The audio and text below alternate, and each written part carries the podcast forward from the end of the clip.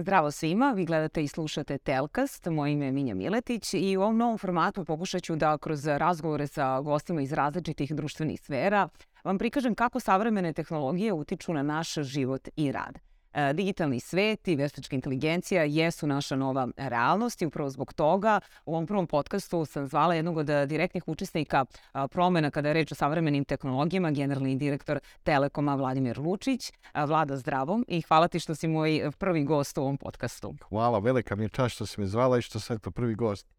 Pa jesi... Trudit ću se da budem. Zanimljiv, da. Pa dobro, bit ćeš svakako, pogotovo nama lajicima koji se uopšte ne razumemo u ovaj digitalni svet i savremene tehnologije, ali zato sam te izvala upravo da, da me možda malo i nešto naučiš i da čujemo nešto novo. I podcast zapravo nije nova forma i zaista je to neki format koji obuzima svet. Uh, videla sam da je on nastao još negde 2004. godine, što se ne varam. Uh -huh. Nastao je 2004. godine i za njegovu promociju E, opet e, zaslužan je niko drugi nego Steve Jobs koji je u stvari prepoznao podcast i onda je u stvari imao tu podkategoriju podcasta još dok nije postao iPhone uh, na iTunes ima onda i kada je postao prvi iPhone. Tako da je u stvari onda kako uh, ga Začetnik. začetnik podcasta. A on u stvari jest idealna kratka digitalna forma i pokazuje jedan, jedan trend koji možda moju stariju generaciju donekle, donekle nervira, to je pojava, tako da kažem, uh, second screen, tako se zove, da u stvari uh, nove generacije su navikle uh, da jednom slušaju, drugo rade računaru, možda i treće gledaju, tako da... Pa to jeste, da. El ti gledaš, el slušaš podcaste? Da? Pa ja pa slušam ne toliko, moram bude iskren, nemam vremena toliko ni da, ni da gledam televiziju, ni da slušam podcaste, ali kao kako tako da kaže, kao jedan fenomen, fenomen pogotovo ove strane koje su tehnološki vezane za, uh, aj za moju struku ovu slušu. To sluša, da. Pa dobro jeste i to si lepo rekao, zato što ljudi obično kada sam se raspitivala na koji način, kada slušaju podcaste, onda oni kažu ili ne znam, dok su u kolima ili dok su u teretani ili uveče pred spavanje. A, međutim, e, vidimo da sad ono što mene zanima kako će ti novi formati da utiču na rad tradicionalnih medija, s obzirom da ja već 20 godina sam na televiziji, sad me zanima kako će sada ti novi formati da, da utiču na, na rad medija.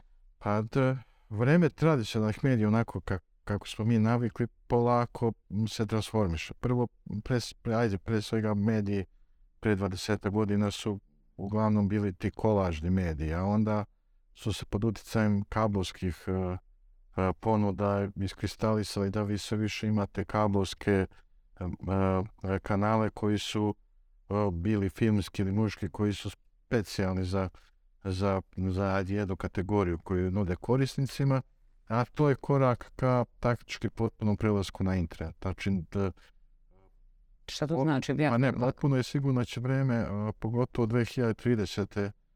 čini mi da će ubrzano ići to vreme kada nove generacije koje su sad rade na internetu budu imale 25 godina i kada one faktički budu bili nosioci promjena, će početi da rade u firmama i biti nosioci tih, tih promjena.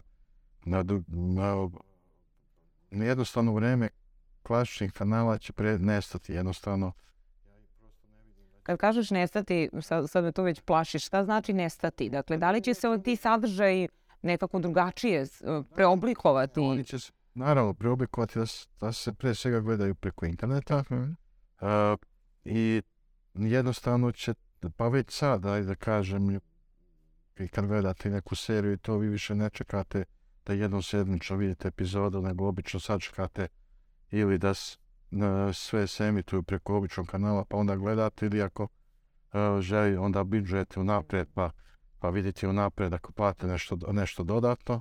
Tako da već sad ve, već dosta uh, kontenta vi gledate direktno.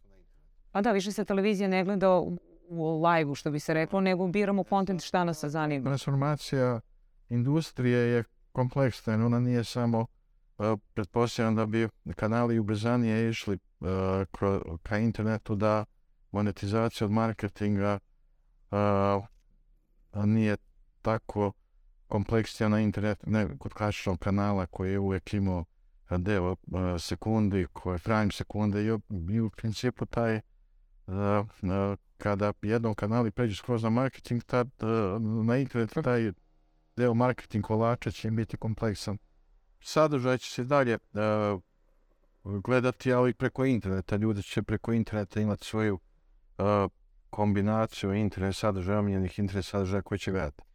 I za, zato mislim, re- recimo da je ne sad možda uh, malo će biti dosadan, ali da kažem, strategija Telekoma Srbije baš tome po meni dobra, jer uh, shvatajući to mi se u toj transformaciji između kabelskih kanala koje sad imamo ka toj budućoj budućnosti mi želimo da budemo što više vlasnici sopstvenog ko- sadržaja.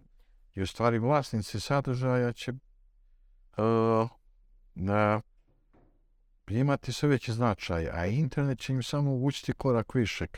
Kad sve pređe na internet, vi ćete imati uh, veliku šansu ne da se da dođete do nekih korisnika samo u nekoj teritoriji, uh, recimo kao što je Srbija, nego čitav svijet. Tu, tu će biti velika razlika. U klasičnom kanalskom Mhm. sistemu ranije, uh, glavnim, uh, tako da kažem, igrači su bili nosioci nekih frekvencija koji su na toj teritoriji emitovali, vi stvari morali sa njima da se dogovorite ako hoćete, recimo, ne znam, da prodate seriju u nekoj skandinavskoj zemlji. A sada će vam internet omogućiti da to što ste vi proizveli na jednostavan način ponudite čitavom svijetu. Dobro, ali sad mene druga stvar zanima. Šta se dešava sa sportom? Sad ako, prvo muška populacija ta koja će ostati verna televiziji, ako sad hoće da gledaju futbol, neka važna utakmica, kako će se onda to gledati? Hoće se to... Ne smatram se da će sport povez, koji će sve jače biti ve, vezani sa sportskim kladionicama, faktički o- ovo ostati faktički u formi sportskog kanala. Da, jer tačno je da to možete, e, jer bitno je da sport gledate u- uživo. Uživo, pa to, zato te... uvijek će biti, taj, biti potreban komentator. I sad, uh, ove velike platforme kao Amazon su počeli tu da faktički eksperimentišu i sad vidite da Amazon za određene zemljama je kupio Premier League. Dakle, moguće je da se desi situacija da neka velika platforma kao Amazon 2030. godine odluči da recimo uzme či- nekoliko najbitnijih liga i da onda no, i možete da gledate ako ste pretplatnik te platforme, tako da ali, ali će nekako sportski sadržaj biti najpribližniji ovo što sad imate, jer uvijek treba komentator, e, utakmica, onda neka živa emisija posle toga. Ne, bolje pređemo u sport i da budem komentator, vidim ja da je to budućnost izgleda. Ali info, informativno, po, po meni, e, tačna informacija će imati sve veći značaj. Mislim da ovaj, e, Ali šta to znači? Kad kažeš tačna informacija će imati e, sve veći značaj, a živimo u svetu, dakle, društvenih mreža, interneta, pogotovo na društvenim mrežama, to zaista svako može da plasira šta god mu pade na pamet. Nekako mi se čini da mi sve više živimo u tom svetu fake newsa. pa to je Kako to da razlikujemo i kako to da se sada građani najbolje informišu šta je pravo, šta nije? Uh, ja sam recimo ve- veliki optimista. Mislim da je ova faza, nažalost, koja se nalazi um, internet socijalnim mrežama, uh, ipak se uh, mora srediti nekako uh, situacija na internetu po pitanju piraterije fake news. Znači nije, nije samo problem fake news, problem je uh, jedna ogromna piraterija koju vi na, od filmova, muzike, ti či- čini mi se da uh, sa razvojem daljem interneta i veštačke inteligencije u koje se Opet, plaše, da, pričat ćemo. mhm. će ona poprilično uspjeti da, da ono donekle reguliše internet. Jer i, uh, i s- potpuno sam ubeđen da će se polako vraćati na vreme jasnih, tačnih, uh, uh, preciznih vesti, da znači se ipak sistemi za, uh, za ovako pasiranje fake newsova koji su neverovatni, uh, ipak vremenom, vremenom regulišu. Da, e, to si dobro rekao, zaista neverovatni, a, a čini mi se pogotovo ovde kod nas da nismo toliko digitalno pismeni. I da bi sad to isto trebalo uvesti kao neku novu kategoriju ili ne znam da se uči u školama ta digitalna pismenost. E, Tu, tu, tu si potpuno u pravu. Mi nismo ovaj... A, I recimo ja, iako su recimo... No, aj, ti- imaš malo decu, ja isto. I, i a, ne treba se bežati od toga da deca da koriste telefon. Koriste moja čerka tri godine, ona već scrolluje, koristi. To više edukovati da a, kako se koristi internet, kako se bezbedno koristi internet, kako prepoznati lažne profile, kako, treba ući u što veću edukaciju toga. Mi, mi se inače mogu ekskluzivno dati sad najavim. a, mi smo imali jedan zanimljiv projekat pre godinu dana s Eskom bankom i zajedno s jednom malom IT firmom ovdje razvili smo projekat koji se zove a, u stvari sigurna škola i on je a, pošto eksperimentalno pod pokroviteljstvom Svjetske banke u tri osnovne škole u Beogradu, Rumuniji i a, Severnoj Makedoniji. Kako je bio uspješan, mi smo odlučili, uskoro ćemo objaviti a, da taj jedan software baziran na aplikaciji koja se lako downloaduje na mobilnom i na računaru, omogućava roditeljima i, a, i deci da prijave bilo ne samo vršnjačko nasilje, nego neko bilo kakav propust, recimo, ne znam, uh, trotoar nije dobro obeležen. I takve stvari, da. Stvari, pa recimo mi smo te tri osnovne škole u toj eksperimentalnoj fazi imali preko 500 prijava roditelja i djece, od kojih je, no, kažem, uh, jedan procent bio vršnjačko nasilje, kako je pokazao dobar taj uh, efekt, to smo mi odlučili da doniramo svim opštinama i školama u Srbiji taj softver kako bi eto dodatno uh, edukovali mlade ljude da A ta edukacija, jer ja, mislim da i ove starije generacije slabo se razumeju. Sta, stare generacije pogotovo. Ja mi, mislim da stare generacije su tek kod nas podložne lažnim vestima, uh, potpuno tako da kako kažem, po, po, potpuno me nekad i fascinira način kako, kako je lako plasirati lažnu vest preko interneta. Da, i to se nekako raširi, dobije zaista ogromne a, razmere, ali evo, nekako me to hrabre kad kažeš, evo i ti news kanali, a, on, pretpostavljam da će se i oni transformisati. Ja gledam naš Euronews centrala, ona, će, ona se sada sve više svoj sadržaj prilagođava tom digitalnom formatu. I to je, mislim da je bila greška tih news kanala zašto su zanemarili toliko internet i onda ne, faktički su dozvolili da na internet zavladaju socijalne mreže sa fake newsima. Kada nju, veliki news kanali kao Euronews i BBC uh, ne, oni sad usvajaju koncept digital first, znači oni će biti ti lideri u digitalu. Tako da, da mislim da dolazi vreme sređivanja, jer će nekako svi i svi igrači doći na internet. E Sad, ti veliki igrači sa informative bilo kog kanala, i nije to samo stvar borbe za ispravnu vest, nego i za borbe za zaradu. E, poprilično će želeti onda, ako im internet bude glavni način komunikacije njihove sa korisnikom, želit će da ga srede u tom smislu. I da, da se, je, zato, zato mislim na ovaj eto, dosta prelomni trenutak kada se većina ovih uh, uh, informativnih kanala usvojila taj plan digitalizacije, koliko, koliko čujem BBC čak planira od 2030. više da nema onaj klasičan informativni kanal, da će to doneti uh, sređivanje i njihovu dominaciju interneta. Mm. Tako da, Da. Tako da tvoje, tvoje vreme tek dolazi. Moje vreme tek dolazi, ja sam krenula. Dominirati svet, dominirati svet. Da. da, da, dobro, to ćemo vidjeti tek. E, sada, hajde da se mi vratimo malo u prošlost, zapravo da se vratimo u 96. godinu kada si ti uh, diplomirao i završio si ETF i svaka ti čast na tome, mislim da ja to nikad ne bi mogla da završim, ali uh, videla sam tu jednu izjavu uh, gdje si rekao da zapravo tvoja generacija je tada htjela što pre da ode iz zemlje. Kako ti prvo pamtiš to vreme? Pa to je vrijeme mm, vrlo ve- velike maština. Nažalost, moji, eto, ajde kažem, uh, roditelji, stari rano sam ostao ovaj, i bez majke sa 17 godina, ali eto, nisu se baš snašli i u to vrijeme 80 godina, tako da mi vrlo teško živio i 90 godina, jer 90 godina je bilo vrijeme hiperinflacije Ja, to svi su. i nemaštine i onda u principu uh, meni je uh, tehnički fakultet se tad bio po- poprilično jak fakultet i, s- A dobro, i dalje je jak fakultet. i bila je faktički ulaznica za ulazak u inostranstvo jer nije morala sertifikuje diploma nigde i u stvari vi završali tehničkim fakultetom poprilično jednostavno ste mogli uh, tada da, da nađete posao I zapravo šta se de... Mislim, ti si nekako tvoj prvi posao, ti si opet našao u Telekomu. Tvoje prvo zaposlenje bilo u Telekomu. slučaja da je... Dok sam eto tražio posao u inostranstvu, izašao u konkurs Telekomu i da je eto taj prvi e, šef e, Racić i dalje, Dragan Racić i dalje ga eto pamtim, e, bi izabrao mene od tih nekoliko stotina prijava i još jednog kolegu koji sad radi u inostranstvu duše. Smatrujući da smo mi talenti i zahvaljujući njemu sam onda 98. godine kad je Telekom krenuo mobilnu i ušao po tu prvu ekipu koja je gradila mobilnu i stvari stekao i to praktično znanje. Tako da, ovaj, i mogu kažem da sam tu uvek eh, nekak, poslije kad sam postao direktor, um, ceneći to što sam uh, ipak, uh, tako da kažem, dobio posao na način zato što je neko verovao u moje kvalitete, iako mi nije znao. I to u vreme 90. kada je poprilično bilo bitno da imate vezu da negdje prođete.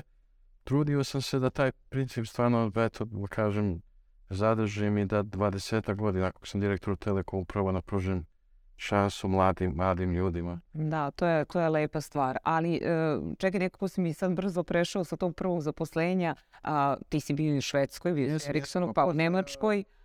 Gas, naj, ipak sam, hajde, posle tri godine posla u Telekomu i posle bombardovanja, kada ja stvarno sam, čini mi se, nisam vidio više budućnost u Srbiji.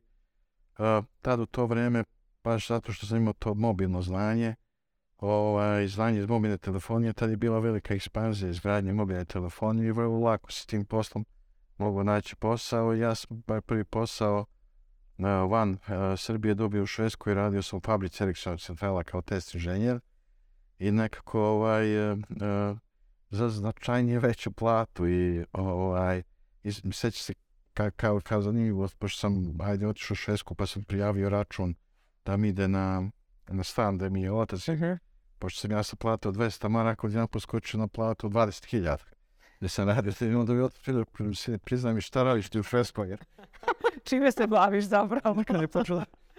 A, a onda, onda sam koristi sa to znanje koje stekao u Švedskoj, prešao u Nemačku i radio sam u Düsseldorfu. Düsseldorfu. Mhm. Jedan vrlo lep posao za, za mladu osobu koja je, taj, kažem, ono, single nije. Ja sam faktički za Ericsson održavao taj jugozapadni deo Nemačke i uglavnom bio je terenski posao, ali sam eto nekako upoznao taj, taj deo jugozapadne Nemačke, sam bio više tih gradova. A čekaj, kako onda iz Nemačke i sa tolikom platom i takvim poslom ti se opet vraćaš iz Srbije? Nemačkoj, u Nemačkoj sam dobio zelenu kartu, eto još da, da bude zanimljivo, zato što je tad te godine 20.000, mislim da je 20.000 zelenih karata.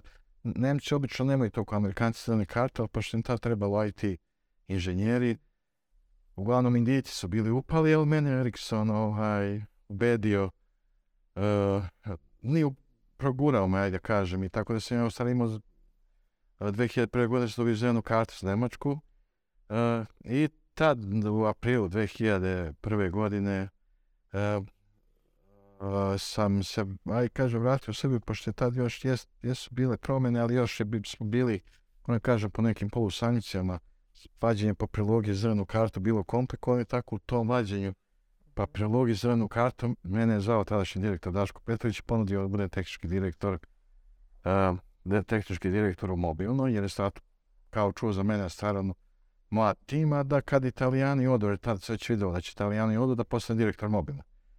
I sad ja sam prvo odbio, zašto stvarno, ali nekako ono, nakon neki jedan iskusan način uspio da me ubedi da bar uh, godinu dana prihvatio sam ja rekao, kako se ne vrati oko godinu dana propada mi zelena karta, je zelena karta.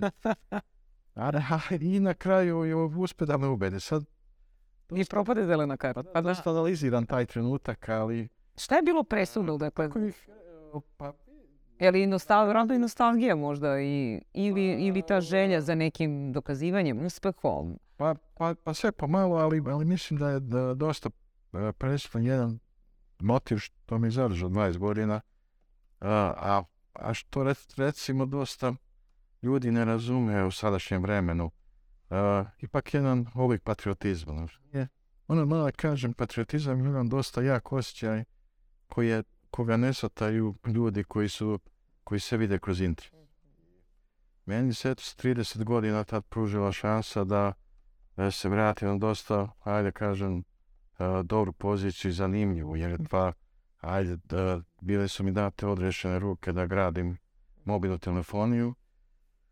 A, nekako taj osjećaj da u stvari vi svojoj zemlji nekako vraćate a, i činite dobro svojoj zemlji je jedan, jedan lep osjećaj Pa koji je. teško može da, a, ako kažem, a, da ipak ste vi tamo negde u, u, u stranoj zemlji. A to da, jednom stranac, ja mislim da... Ne, ja da sam ostao tamo ne bi da, imao ovakvu karijeru. Ja bi prije svega bio vjerovatno u nekom razrednom centru, ne znam, Ericsson ili neke druge firme. Potpuno bi bio inženjerskim poslom bi se bavio. A i po, moram kažem, posao koji je dat je bio izazovan. I sličan i ovom što kome se sad bavim, zato što je tad uh, Teleko Srbija stvarno bio u problemu sa mobilnom telefonijom. Uh, Mobtel je bio glavna mobilna mreža, uh, toliko kvalitetnija od nas da čak je ono bilo sramota ako imate mrežu 064 2001. godine. Svi su imali Je, 6 ono stvari. Radi kao bio mi taj izazov da takve pozicije MTS-a što sam uradio za četiri godine, preba sam prvog broja i mi smo stvari 2005. godine prešli. A šta ti je danas izazov? Pa danas, da, da- danas što se tiče, pa danas je također, iz- e, šta je dobro kod telekomunikacije, one su dinamičan biznis i, i sad mi je, e, uvijek mi je bio izazov, ge- generalno gledano i tad sam se isto, e, ovaj, e, o, kao, kao i sad, u stvari, kada krenete u te neke radikalne transformacije držav, u državnom preduzeću, kao što ja tad krenuo mobilnoj, uvek e, hi- imate tih hiljadu sumnji i meni je uvijek bio nekako izazov da pokaže državno preduzeće možda posluje e, čak, čak i bolje, zato što ipak u naše okruženje koje dobro razume od nekih privatnika koji je tu eto tek došao.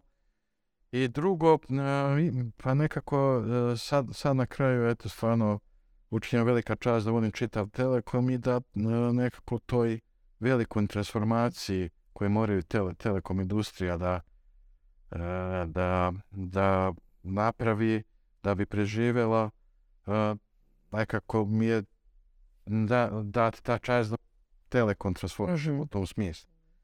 Jer telekomunikacija, telekom firme ako se sad ne transformišu u pametnom smjeru jednostavno e, neće preživjeti. E, I ako se transformišu u dobrom smjeru imaju šanse da, da budu e, nekako e, veliki igrač. Ja sad mislim da imam dovoljno znanja i iskustva. Nažalost, došao sam u godine kad Da, dosta iskustva, ja. Da. ovaj, da, da, ovaj, da, da mogu da uradim eto tu za zadnju transformaciju. Iako, i, ve, ove- a inače, eto, 20 godina bio sam, učestvovao sam u svim, u svim a, a, velikim akcijama. Te- Na što si najponosniji sada kada bi te pitali kada je tvoj posao u pitanju? Pa ne, da, naj, najponosniji sam na eto, činjenicu da sam uspio tri puta nešto, bar poslao smislu što a, a u svjetskim mjerilima se rijetko kad dešava. Znači, vrlo rijetko se dešava da treći ili drugi operator prestignu prvog. E, kažem, jer prvi je obično operator. I sad vidite, recimo, Hrvatski Telekom je uvijek broj jedan u Hrvatskoj, velika ra. Redko se dešava da neko krene sa trećeg i drugog mjesta i prestigne prvoga mjesta desilo tri puta, tako da kažem. Radio je tad prvi put sa mobilnom, poslije toga sam otišao u Crnu Goru i u toj, ajde kažem, uh, maloj zemlji, konkurenciju Deutsche Telekoma, Telenor sam s trećeg doveo uh, da Mjangter sad bude ubedljivo prvi i treći put mi je ovo bio zadatak jer Telekom se bio kabelsko je bio na, u velikom zaostatku i za prvoga, sad smo opet Pa dobro, svaka čast. to je za, zato što to nije lako raditi. Zato što je da bi to uradili uh, morate prvo da investirate u tom nultom trenutku dosta jer ako vi želite napadnete prvog i da ga prestignete morate da imate uh, kvalitet Bolji. a, a, i, a i bolji je da onda verujete da će vaši ljudi na terenu kada im bezbedite jednake ili bolje uslove uspjeti da uzmu od, jer vi nemate sad neke nove korisnike, nego morate uzeti od konkurencije. Ali evo kad pričamo o toj mobilnoj telefoniji, uh, se sećaš svog prvog telefona? Koji ti je bio? Ericsson. Moj prvi telefon je bio Ericsson, ja mislim šest. Tako? Pa dobro. Inače, pošto sam se zaposlio, bio Mhm. to mobilno, je, Mhm. 98. godine, a tad bilo 50.000 telefona, ja sam, zato što sam radio na dobio telefon. I naš, naša uh, uh, centrala je bila u željezniku, ja sam putovao uvijek autobusom, i kaže šta, ali pošto sam radio na održavanju, non stop sam pričao telefonom, jer smo zvali tehničari, ali onda je to delovalo, delovao sam potpuno, Pa delo si potpuno onako moderno. ja nisam odao, delovao sam, ali kako kaže, a što ljudi nisu navikli, je ono, da, da. Ko je ovaj koji priča, ušao je autobus, a priča non stop telefonu, samo nas, samo nas iritira, tako. Bio mi je Ericsson 628, to je onako bio sa, na, ta, tad Siemens i Ericsson bili najbolji telefoni. I Nokia je bila isto, do, mislim, znam ona tri posla, da, ono. jer sam ja to zaboravio. Ne, ne, Nokia je bila ekskluzivni brand, ona čak 10% Uh, to nije bilo za nas koji radimo na dužem. Ja, nije. na Već je bilo i za Ali često menjaš telefone, jel pratiš to sada? Ne, ne, Ne. ne. Došao situacija, u- uglavnom uh, uh, telefon tek kad prestane sa radom i ga razbijem kako često idem na terenu, onda ga tek promenim. Ja, tek onda, dobro. Ali šta onda, ono kažu, kad, kad izađe novi telefon, kao da su telefoni namešteni da traju dve, tri godine, pa onda već počinje da baguje baterija, da... Ili to, Nažalost, nisam nisi to pri... ranije- Aha. Poraspih telefon ili ga negdje. I- Zašto ga radiš slučajno ili zato što se nerviraš? Pa nije uglavnom slučajno, zašto često idem na teren. Volim da idem na teren zato što ovaj, bilo kakav, da li je to prodaje ili tehnika, zato što time pokazujem ljudima. No, uvijek ba- biti direktor državnog preduzeća je malo specifič- specifično, jer e, nije kao privatnoj firmi. Ne možeš poluge e, rukovođenja privatne firme da koristiš u državnoj firmi. Toga čovjek mora da bude svestan. Svako sad maštanje, sad ćemo mi državnu e, e, firmu skroz da e, na način, i on da upeglamo kao privatno, vrlo je komplikovano. Ali, ali ne mora neka pravila direktor firme. Prvo mora, ja prvi dolazim, zadnji odlazim. E, sad sam htjela da pitam koje su to pravila, dobro? Prvi odlazim, zadnji odlazim. To sam čula. To mi je I da si uvijek dostupan i da si uvijek Da, da, online. da, svima i, i trude se i dalje, iako nisam direktor pozicije, da imam to teh- tehničko prodajno znanje, jer onda taj autoritet znanja je najjači, pogotovo inženjeri, ako vide da u stvari vi znate e, šta im pričate. I onda u stvari na, na taj način, e, ajde da kažem, e, možete tu energiju da prebacite posebno na, na sljedeći nivo, a onda na sljedeći nivo i tako možete pokrenuti firmu. a reci mi, uh, jel više voliš da, da pričaš preko telefona ili da se dopisuješ, šalješ poruke? Ja, pa ja sam, nažalost, ovaj, old, old fashion više volim da pričam. Iako, iako je defin, definitivno st- ovaj, trend pisanja poruka. Pa Jeste. Da, prva poruka, kažu, pre 30 godina je napisana i glasila je Merry Christmas. I sad, a koje preko, je preko SMS-a, koje aplikacije koristiš? E, Whatsapp, Viber? Uglavnom Whatsapp, zato što mi deluje kao naj, i signal, kao najbolji. Ovaj, Signal kažu da, je najsigurniji. ja sam to pa kažu, kažu A? da ne, ne, signal kažu da je najteže ga je prisluškivati. prisluškivati, a Whatsapp mi deluje kao naj, najbolje kvalitete, zato što ga ipak drži Facebook. Viber malo uređen, nekako mi ne deluje kvalitet dobar.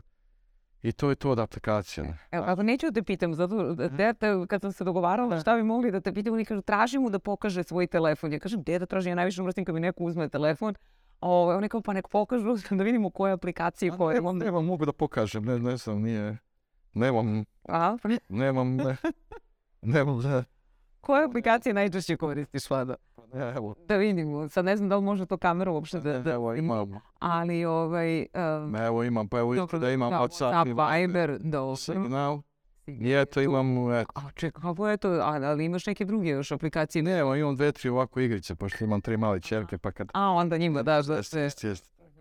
Ali pitala sam, da, počeli sam pričom i za te društvene mreže, jel, uh, jel imaš naloge na društvenim mrežama, to te nisam Vidio sam uh, da imam uh, Facebook i Instagram. A sad ovo, ovo O Twitter. Twitter, Twitter, Twitter ne. Twitter stvari imao, ali kad sam se vratio na ovu funkciju sam ga ugasio, sam shvatio da... Da, kažu da, da na. Facebooku pokušavaju da budemo pametni, na Instagramu da budemo srećni, a na Twitteru su svi nekako ljuti. I onda... Pa ovaj, nije da, da Instagram je nekako ovdje u Srbiji koristi manja populacija, previše ispolitizovan po meni, nije takav, mislim Twitter, iz- Twitter, da. Twitter pogrešio sam, ne Instagram, aj. A nekako ja sad, ha, da bi razumio socijalne mreže, dov- dovoljan mi je Facebook, LinkedIn sa druge strane e, koristim ovaj, profesionalno svako ko se bavi e, ozbiljno postoja da ima LinkedIn profil. I to smo na kažu zapadu poprilično gleda kada se Je poznajete LinkedIn profil. To moram da ispravim se. To je, to je zaključeno mi je. A Instagram, ne, nema mi ovaj TikTok i to ja možda ne vjerujem da ću, ne znam da li ću ih, e, ne, Ali postuješ nešto, stavljaš? Ili samo kad je postoje? ne, meni je, meni je Fe- Facebook, pa to je, još sam ga tako i kreirao, kada, kada je krenuo, kada je krenuo Facebook, e, kada, pošto je to bio prva socijalna mreža kod nas, ta sam, još nisam otišao u Crnu Goru, bio sam komercijalni direktor u Telekomu, ja ne samo da sam otvorio Facebook, nego sam naterao većinu zaposlenih mojih koji rade tad u prodaju, pošto sam vodio prodaju, da otvore da bi razumeli socijalne mreže. Mhm. I od početka sam onda da bi njih e, stimulisao da ko otvore Facebook mogu da mi postavljaju pitanje, onda sam pretvorio Facebook u, u radni Facebook. I meni stari Facebook isto kao LinkedIn, ja samo objavljujem Aha, to. e, poslovne stvari. Ali nekako pravo kaže... Evo, pratiš to, dakle, kada ljudi komentarišu Telekom, rad Telekoma, te to pogađa, na primjer, kada gledaš sve to na društvenim mrežama ili trudiš se da, da se ne baviš da time? pratim sugestije korisnika i mislim da su oni izuzetno bitne. Mhm. E, e, su, sugestije korisnika su, su, po, su po meni izuzetno bitni. To pratim i iskreno kažem svaka sugestija korisnika e, treba je pratiti koliko god nekad, jer ipak imamo 11 miliona korisnika i e, po korisnicima možete vidjeti nekad da li m, neki deo vaše, ajde kažem, i firme ne funkcioniše dobro. Krajeva. Ali, Vlado, nešto hoću da te pitam. Evo, na početku... Ali, ali ove, ove druge, tako da kažem, ovi napadi, ajde kažem, a, ne, a, koji na kraju idu uvek iz jednog centra, ali su oni višestruki ili i politizovani i ne i sa dosta netačnosti i lično protiv mene. Mislim, bio sam ja spreman na to kada sam prihvatio ovu funkciju i kada sam video tad stanje na tržištu, ja sam očekivao, ajde kažem to. Ne u ovolikoj mjeri, jer po meni, iskreno, ajde, nisam isto toliko pričao o konkurenciji, ali mislim da je tu konkurencija napravila stratešku grešku ovih pet godina, zašto je ona više se trudila da nas zaustavi nego da kako da kaže se oni unaprede u ovom u, u ovim tržištima gde se, gde se ovaj takmiče sa nama i da isto na kraju lupalo u glavu. I, ali e, dovoljno sam, pravo kažem, e, nekako u poslu, da imam do- e, dosta znanja i ono š- čini mi što mi je najbolja osobina je sigurnost to što radim. Dakle, ja sam potpuno e, siguran da je na ovaj razvojni put Telekoma e, nešto što treba Telekom da uradi e, da bi da bi bio ne samo lider u regionu, nego i šire. A nije to neka mudrolija, to samo treba vidjeti otprilike iskustva velikih telekoperatera i velikih internet. Pa dobro, očigledno da jeste čim postoje razlike, ali ovo si dobro rekao, dakle, imaš sigurnost, a imaš sigurnost zato što imaš znanje. Ja mislim da je to povezano e, i tekako jedno sa drugim. Ali e, na početku ovog razgovora pomenuo si tu veštačku inteligenciju, o tome se u poslednje vreme zaista a, mnogo govori i, i videli smo i krajem marta da je negdje oko hiljadu tih tehnoloških lidera, istraživača, među njima je Elon Musk, oni su tražili da se zaustavi e, taj razvoj veštačke inteligencije. Š- kako je tvoje mišljenje zapravo o tome? Opravdano da ljudi imaju strah od e, razvoja veštačke inteligencije? Mo- Moje, moje mišljenje mra, radikalno drugačije od mišljenja ovih hiljada što su potpisali. Ja stvarno ne vidim toliki razlog. E, pre svega mi je to vrlo zanimljivo da, da ljudi koji e, i- faktički vi sad imate stotine ratova u svetu, imate jedan rat koji je na ivici se kao nuklearni, e, drugo kojim tempom uništavaju život u sredinu, odjedan put su sad stvorili da je veštačka inteligencija nešto što je najveća opasnost. Veštačka inteligencija je vrlo bitna deo razvoja budućih 15 godina i benefiti 5G tehnologije i budućih tehnologija će se vidjeti zahvaljujući veštačkoj inteligenciji, jer ako vi hoćete da napravite da vaš vozilo, e, ne znam, od Beograda do Niša ide automatski potpuno, mora da postoji neka veštačka inteligencija, ona će imati razne senzore, Ali u tome, zar tu ne misliš da sad ima oni ljudi koji se plaše izgubit će posao, neće više biti tih zanimanja i od toga ljudi, ljudi E, to je, to, to će se izuzetno promijeniti, jer uh, će,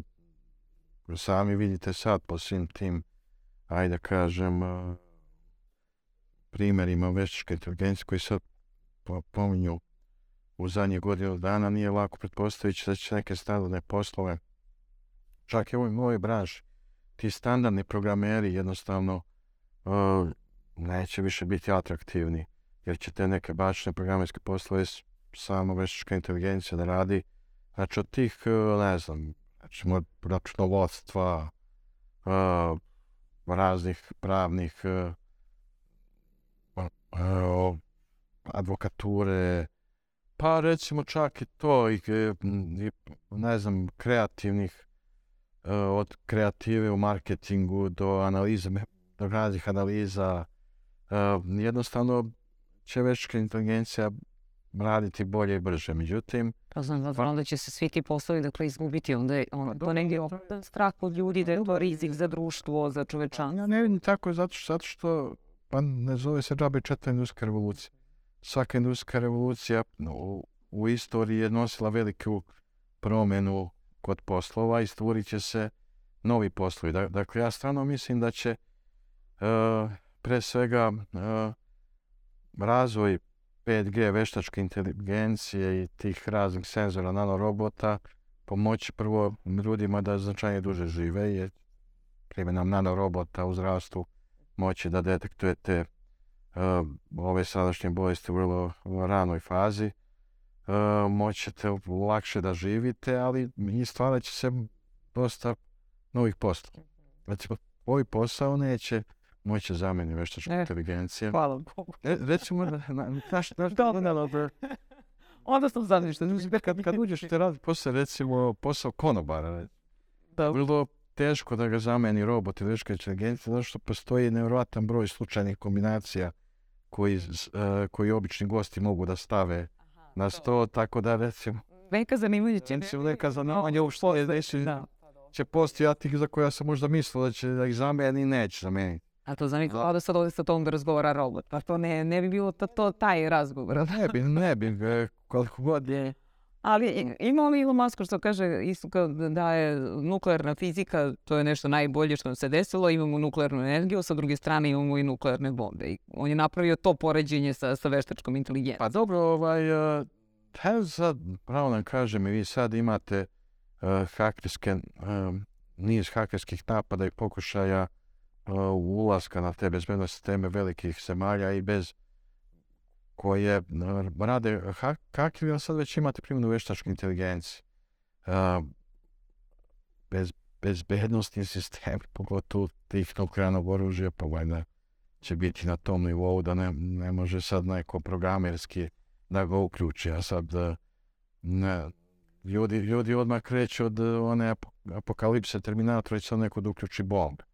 Ja samo ne, vid, ne vidim šta bi mogla veštačka inteligencija sad uh, u ovom trenutku bitnije uh, da, da, afekt, da afektuje No, s obzirom da vi na neki način već i koristimo tu veštačku inteligenciju kroz mobile telefone. I... Ipak je to stvorio čovjek, to su mm. ipak neke mašine.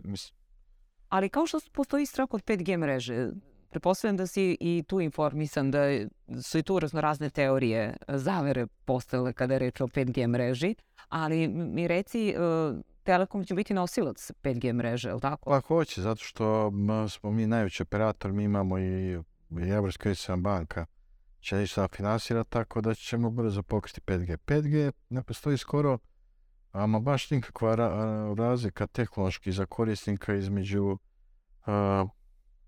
4G, 5G, 3. Ako već pričamo o zdravlju, uh, najviše uh, zrači u stvari telefon koji vi nosite sa sobom. I ako sećaš tih prvih telefona, oni su imali antene. Jesu, da.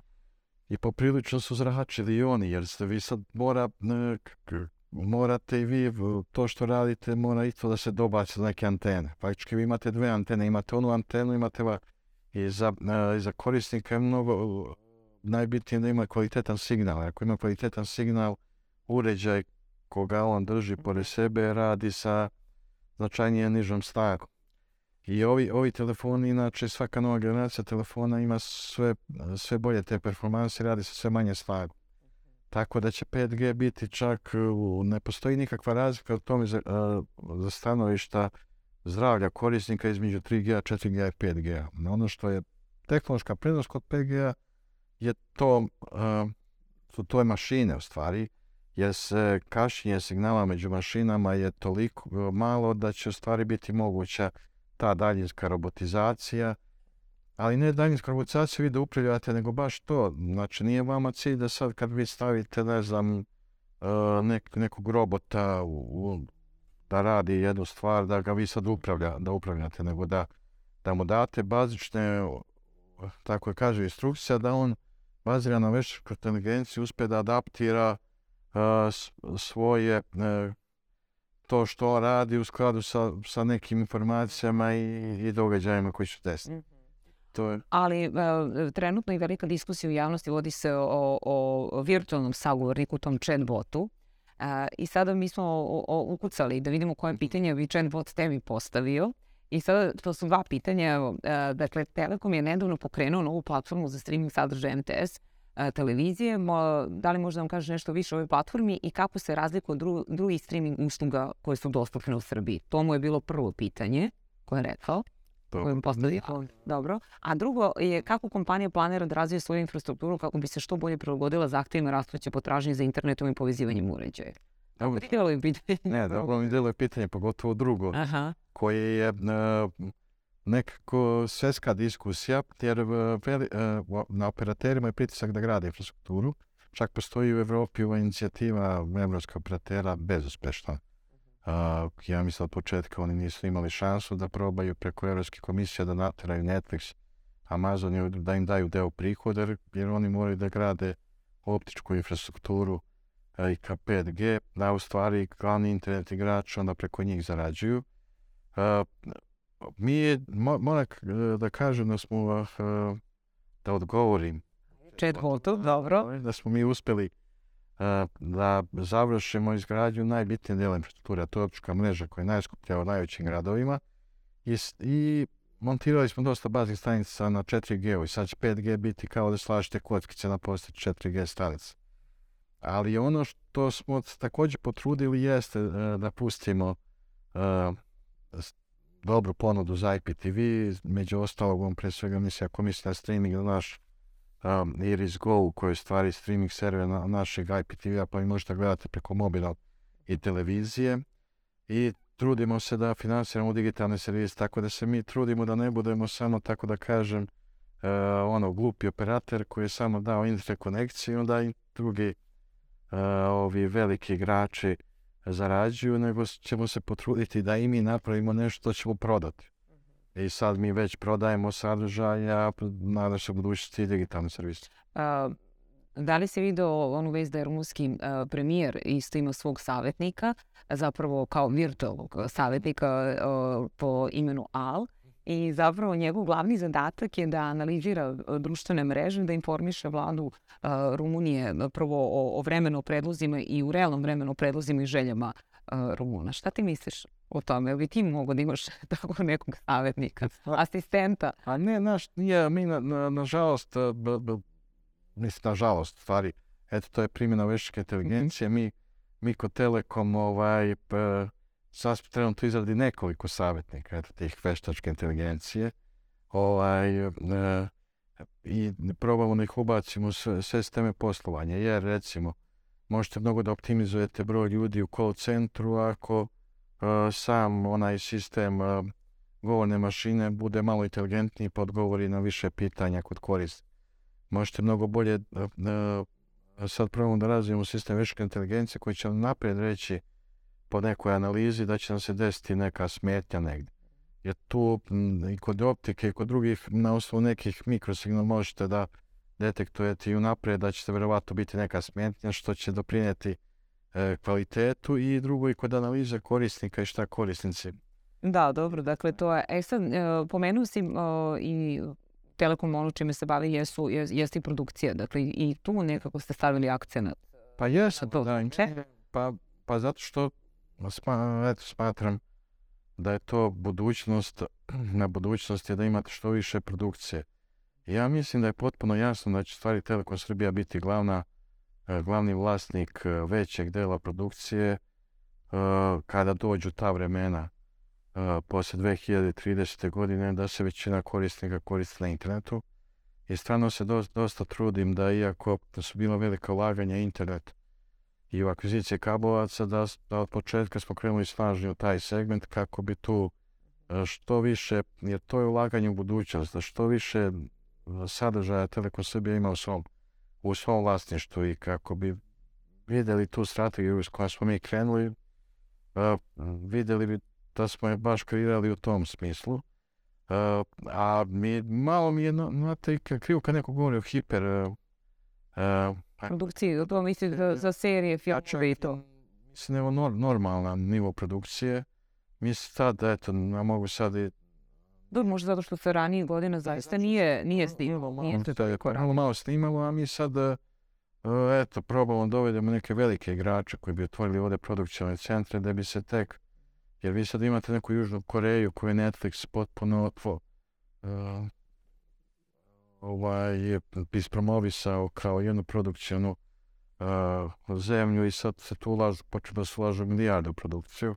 Ja mislim da Srbija ima taj kapacitet da smo mi sa tim što smo sad mi krenuli, uh, postali atraktivni. Smo i sad postali atraktivni, moram, moram kažem, pošto je to imao u Americi, da, uh, da, da nas top management nekih velikih platformi primi na razgovor i da se šta radimo, jer mi sad imamo preko 100 naslova, preko hiljadu sati uh, kvalitetnog materijala, da on bio finsko-serijski dokumentarni, i počeli su da nas e, vide kao potencijalnog partnera za ovaj region. Ja sam potpuno siguran u sljedećih, na kažem pola godine ili godinu dana, sigurno ostvariti mi partnerstvo s nekim velikim igračem, a da će tad e, nivo produkcije, da, e, da će tek tad, tad krenuti hiperprodukcija. A dobro, kad kažeš veliki igrač, to misliš na Netflix, na Amazon, a da, da, tako neki, to jeste.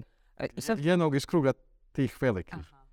Sam neke velike četvorke, kako bih nazvao Netflix, i koja ti je omiljena serija? A Omiljena serija? Da, ali u produkciji Telekoma. Moja omiljena Ali ima nešto što gledaš, što pravi? Binžuješ seriju? Ne, moja omiljena serija je državne službe. A, zato što je bila prva serija. A, to. I ovaj, prva serija, da na, nastala je ta, tako serija, sam postao tad koordinator za internet multimedije, možda po drugog, trećeg dana sa s Gagom uh, Antonijević, jer sam tad bio čuo da su stvari ubice moga oca prešli sa RTS-a na, na Unite grupu. Ja sam onda htio ubiti moga oca da prebacim, ovaj, međutim nisam uspio, čovjek već potpisao ugovor, sad je bio fair kao potpisao već tamo, ali onda mi je rekao ima kao ja odličnu seriju, još tu tajne službe i, i onda mi je ostali uspjeh te prve serije bio dosta bitan, zato što je... A dobri... Zato što sad je bio Telekom bio, ali sam verovao, pa ajde kažem, i po sam moga oca da stvarno da Gaga može napraviti seriju onako po našem standardu, a naš standard je da bude taj kvalitet Netflixa, HBO-a, da bude tema serije koja je lako shvatljiva u svijetu da bi je prodavali. Neke uopštene teme koje mogu ljudi da gledaju iz bilo koje tačke svijeta da ne znaju tačno da, ide tako da, to, to mi je pa dobro, to ti je omiljeno, dobro. Ali evo, bližimo se uh, kraju. Htjela sam da te pitam, dakle, kako je tvoje mišljenje? Da li ove sve savremene tehnologije, ta mobilna telefonija, razvoj interneta, digitala i tako dalje, šta nam je, e, kad kažem donela, mislim u tom ljudskom smislu, nekako mi se čini da smo postali svi mi površni mnogo, mnogo brže živimo, slabije čitamo, scrollujemo, zadržavamo se na, na vestima po nekoliko sekundi, jedino ako nas baš nešto zanima. Uh, jel misliš da smo možda postali površniji možda i u tom načinu komuniciranja? Pa, sigurno jesu. Ali je život zahvaljujući internetu, mobilnim telefonom postaje mnogo zanimljiviji. Mhm. Ja stariji od tebe, tako da ja pamtim život faktički bez interneta. U stvari, ja tek kad sam završavao fakultet, postale su 38, uh, 6, 486. Oni računari, znači ja sam faktički, moj fakultet završio zahvaljujući knjigama i bez interneta. Bez interneta. A si verovao uopšte da će se ovom brzinom uvoliko sve, da će se razviti pa, internet i... Moram ti kažem da tad, e, i zato je moja poruka svima onima koji misle za 15 godina biti e, ovako nešto samo malo drugačije, neće biti. Jer tad, sredinom 90-ih nije se mislilo, kada, kada bi vidjela Pogotovo mobilna telefonija, kada bi vidjela neka, e, neka svjetska analiza nekih velikih firmi, uopšte se nije računalo da će biti 90 se čak mislilo početkom 90 da će mobilna telefonija biti to auto, mobilni telefon u automobilu, ali da će deca svi imati mobilne telefone, to čak i neki veliki onako znalci nisu prognozirali. Tako da, a, a, a, vidiš da smo sada, tako da je sigurno, ali da, po meni je ipak mnogo bolje ljudi žive. Prvo duže se živi, uh, ljudi imaju pristup uh, hiljadama novih informacija i sad naravno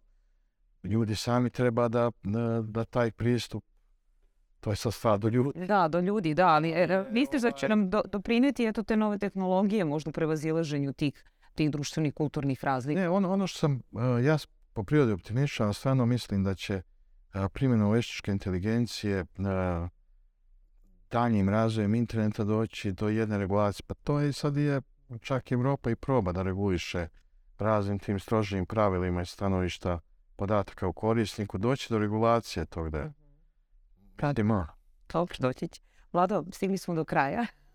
I, I hvala ti mnogo što si bio moj gost, bilo je zanimljivo. A, pa eto, ja sam nešto ponešto sam u stvari naučila, nadam se da će i oni koji nas budu gledali i slušali e, da će također nešto naučiti. Puno sreće u daljem radu i onda se vidimo u nekom drugom priliku. Hvala tebi mnogo isto puno sreće i hvala ti što si eto deo ovog eto novog, e, novog projekta Telekoma Srbije podcast Telekoma. Hvala, hvala na pozivu e, što ste me zvali da budem deo toga. Hvala i vama. Mi se naravno vidimo i, slušamo se svakog drugog petka, a, a naravno gledajte, gledajte Telkast.